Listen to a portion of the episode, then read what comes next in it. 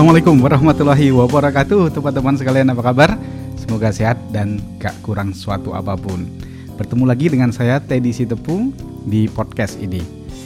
Oke teman-teman sekalian saya pertama kali mohon maaf yang sebesar-besarnya Yang Nah saya akui Lama sekali podcast ini gak muncul.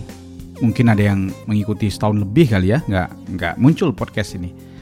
Dan ah, tentu banyak alasan ya Kenapa saya tidak muncul, tidak menerbitkan podcast. Pertama, saat mulai pandemi COVID e, merebak di seluruh dunia dan semua orang rata-rata bekerja dari rumah, tidak keluar ya dalam lockdown atau pembatasan sosial berskala besar di berbagai kota dunia. Dan saat itu para kreator bermunculan. Orang-orang yang tadinya di TV punya show sekarang buat podcast juga baik podcast lewat audio maupun ya podcast lewat YouTube ya dengan YouTube dengan video dan uh, Facebook Live, IG Live dan lain-lainnya. Dan saya terus terang menikmati sekali konten-konten itu. Dan yang kedua uh, saya kehilangan arah podcast saya mau ditaruh di mana nih gitu ya. Di antara para ahli-ahli itu di para antara para selebriti itu podcast saya ini masih perlu nggak sih? Masih relevan nggak sih gitu. Ya jadi itu terus yang menjadi kendala terutama dalam pikiran saya. Sampai pada akhir November lalu ada beberapa orang yang menanyakan kok podcastnya nggak terbit nih ya? Kita lagi nunggu-nunggu gitu ya uh, beberapa bercerita tentang uh, masalah yang dihadapinya dia bisa selesaikan karena terinspirasi dari podcast saya. Nah, inilah kemudian yang menggugah saya kembali dan uh, beberapa saat saya berpikir uh, untuk memformat ulang podcast ini.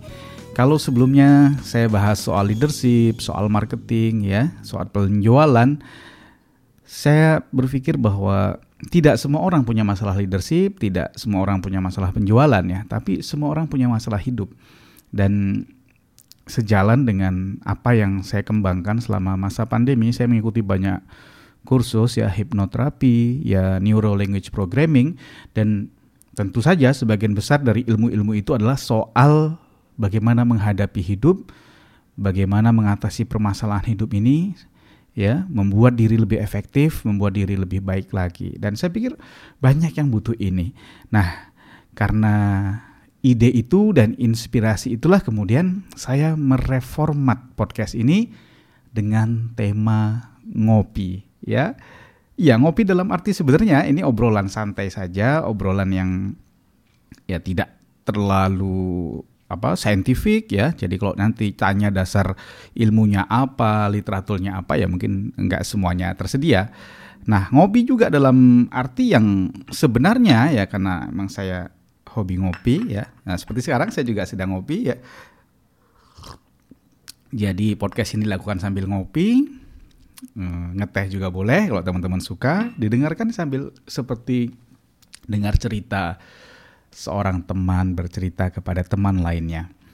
Dan saya juga mengundang teman-teman untuk nanti mengirimkan berbagai hal, masalah, problem yang dihadapi untuk kita bahas bersama dan kita cari solusi bersamanya. Oke, nah itu yang pertama ya. E, mudah-mudahan permintaan maaf saya diterima ya dan dengan itu kita lanjutkan podcast ini. Oke, teman-teman sekalian yang kedua nggak terasa nih ya, tahun 2020 akan segera berakhir. Saya merekam podcast ini tanggal 4 Desember 2020, yang artinya udah setahun ya, hampir setahun lebih kita eh, dalam kondisi pandemi ya. Di beberapa negara mulai pulih ya, di beberapa kota juga mulai pulih, namun di tempat lain ada yang masih parah pandeminya, termasuk di kota tempat saya tinggal di Jakarta ya masih dalam kondisi PSBB transisi. Nah, selayaknya akhir tahun ya, biasanya kita menyiapkan satu resolusi, suatu planning untuk tahun 2021, untuk tahun depan. Apa nih yang harus kita siapkan? Hmm, karir, ya, hubungan, rencana, ya, kesehatan, keuangan dan semua hal. Pasti teman-teman juga sedang menyiapkan hal itu. Mungkin akhir tahun akan membuat suatu momen ya, suatu sesi kontemplasi diri sendiri dan kemudian akan menuliskan, merumuskan apa yang mau dicapai nih di tahun 2021. Tentu saja ini baik banget ya. Saya sarankan teman-teman juga melakukannya ya. Saya pun melakukannya juga gitu.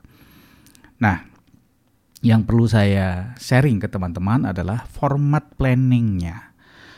Uh, format planning yang biasa dibuat orang ya, itu juga karena sering muncul di dalam format-format agenda tahunan yang dijual di toko buku ya. Jadi buat target tahun ini apa gitu. Target uh, yang mau dicapai apa, keuangan bagaimana, kesehatan bagaimana. Ya, di, jadi buat target seperti itu. Nah, sering kali ini nggak tercapai ataupun tercapai tapi tidak membawakan dampak besar buat kita. Ya.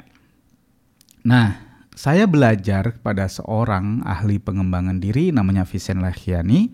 Dia mengusulkan ada satu format yang saya sudah laksanakan dan saya rasa ini bagus banget.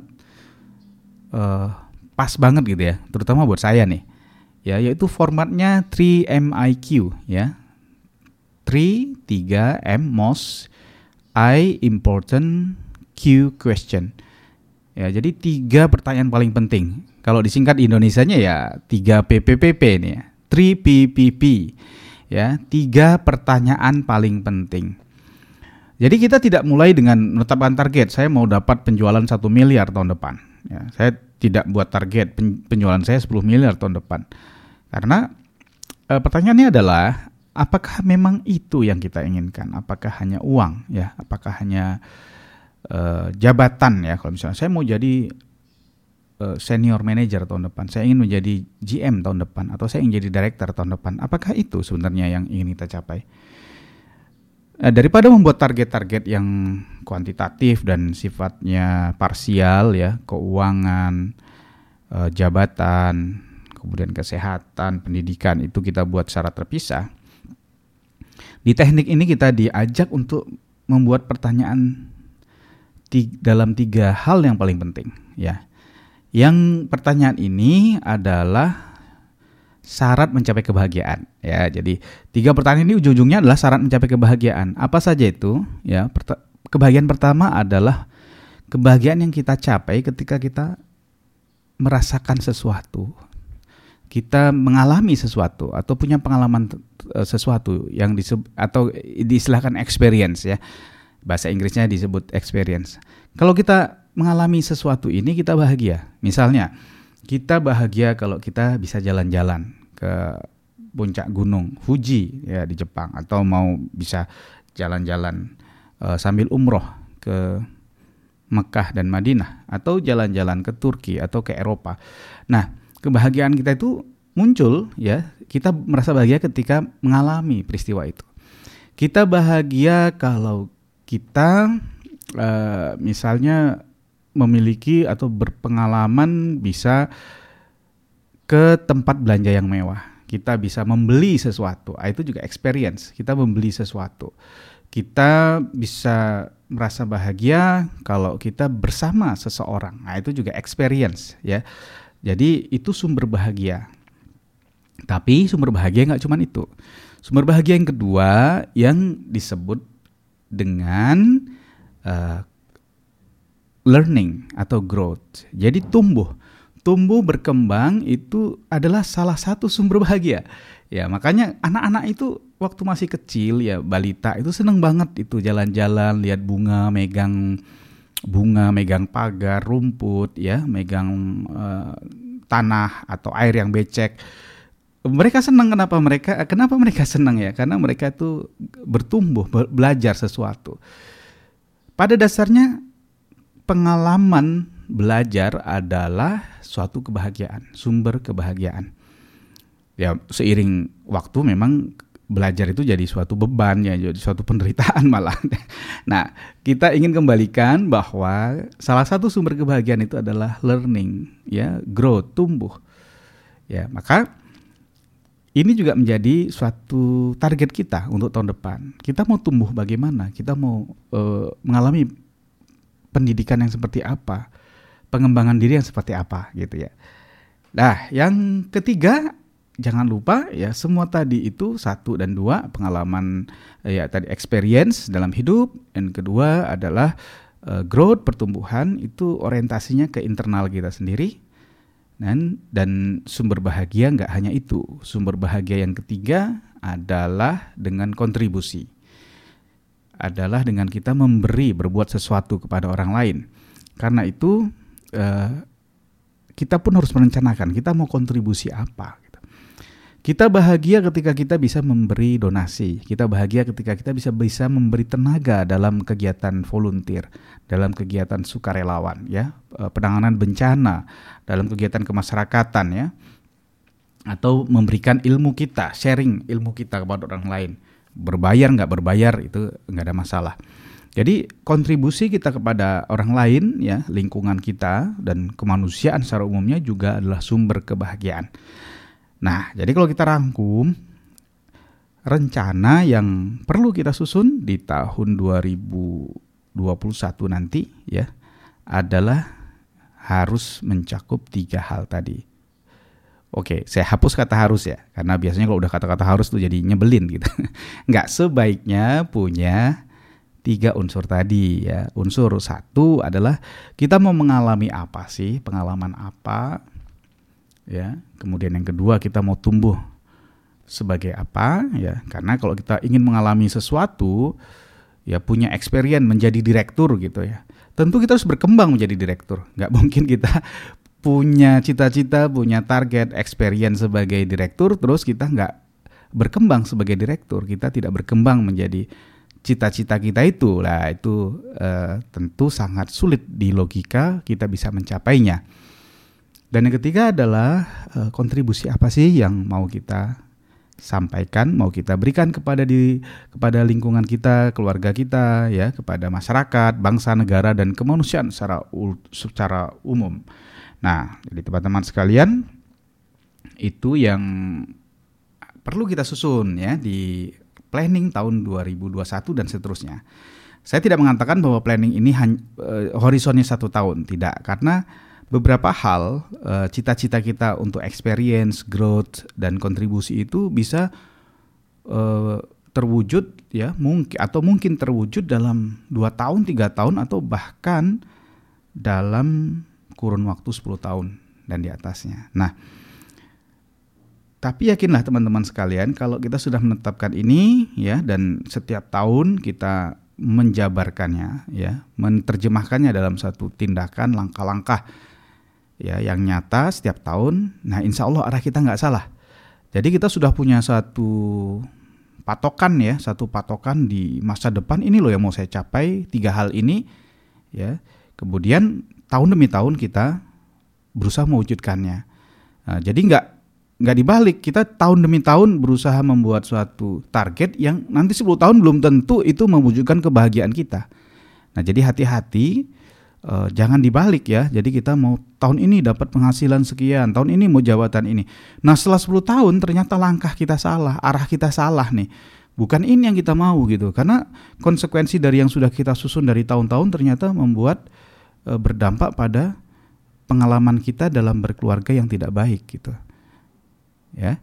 Jadi uh, saya sarankan benar bahwa susunlah planningnya itu dalam tiga bentuk pertanyaan. Yang paling penting tadi itu horizonnya bisa lebih dari setahun, lima tahun atau sepuluh tahun ya. Baru nanti setiap tahunnya kita lihat apa yang mau kita lakukan untuk mencapai poin-poin di dalam three most uh, important question tadi. Nah, untuk latihan nih ya, untuk latihan. Gimana sih? Ah teori aja nih gitu untuk latihan nyusunnya saya ajak teman-teman nyusun bareng ya nyusun bareng karena ini ada tekniknya jadi tidak tidak sekedar kita mengangan-angan saja tapi ada tekniknya dan saya mengajak nih teman-teman untuk latihan mengisinya nanti eh, secara langsung ya spontan karena butuhnya spontan memang kita akan menggali uh, subconscious mind kita. Jadi pikiran bawah sadar kita akan kita gali. Maunya apa sih diri kita yang sebenarnya itu? Ya. Uh, by the way nanti kita bahas lain waktu ya soal subconscious mind itu. Uh, saya kembali tadi ya mengajak teman-teman untuk bahas uh, dan latihan langsung menyusun bagaimana uh, kita membuat planning dengan tiga pertanyaan paling penting tadi di minggu depan tanggal 6 Desember ya. Hari Minggu tanggal 6 Desember jam 4 sore kita akan live secara IG ya di Instagram saya akan live. Nah, teman-teman bisa nih nanti bareng-bareng kita susun kalau ada pertanyaan juga bisa langsung disampaikan lewat IG-nya. Ya, jangan lupa ya di uh, IG @teddy.sitepu kita ketemu di hari Minggu jam 4 sore kita akan latihan langsung bersama-sama bagaimana membuat planning dengan format three most important questions. Oke, sampai ketemu ya di sesi itu dan podcast ini mudah-mudahan minggu depan akan muncul lagi menyapa teman-teman sekalian. Tetap masih di uh, podcast ngopi bareng Teddy Sitepu ya, ngobrol inspirasi bersama Teddy Sitepu. Assalamualaikum warahmatullahi wabarakatuh.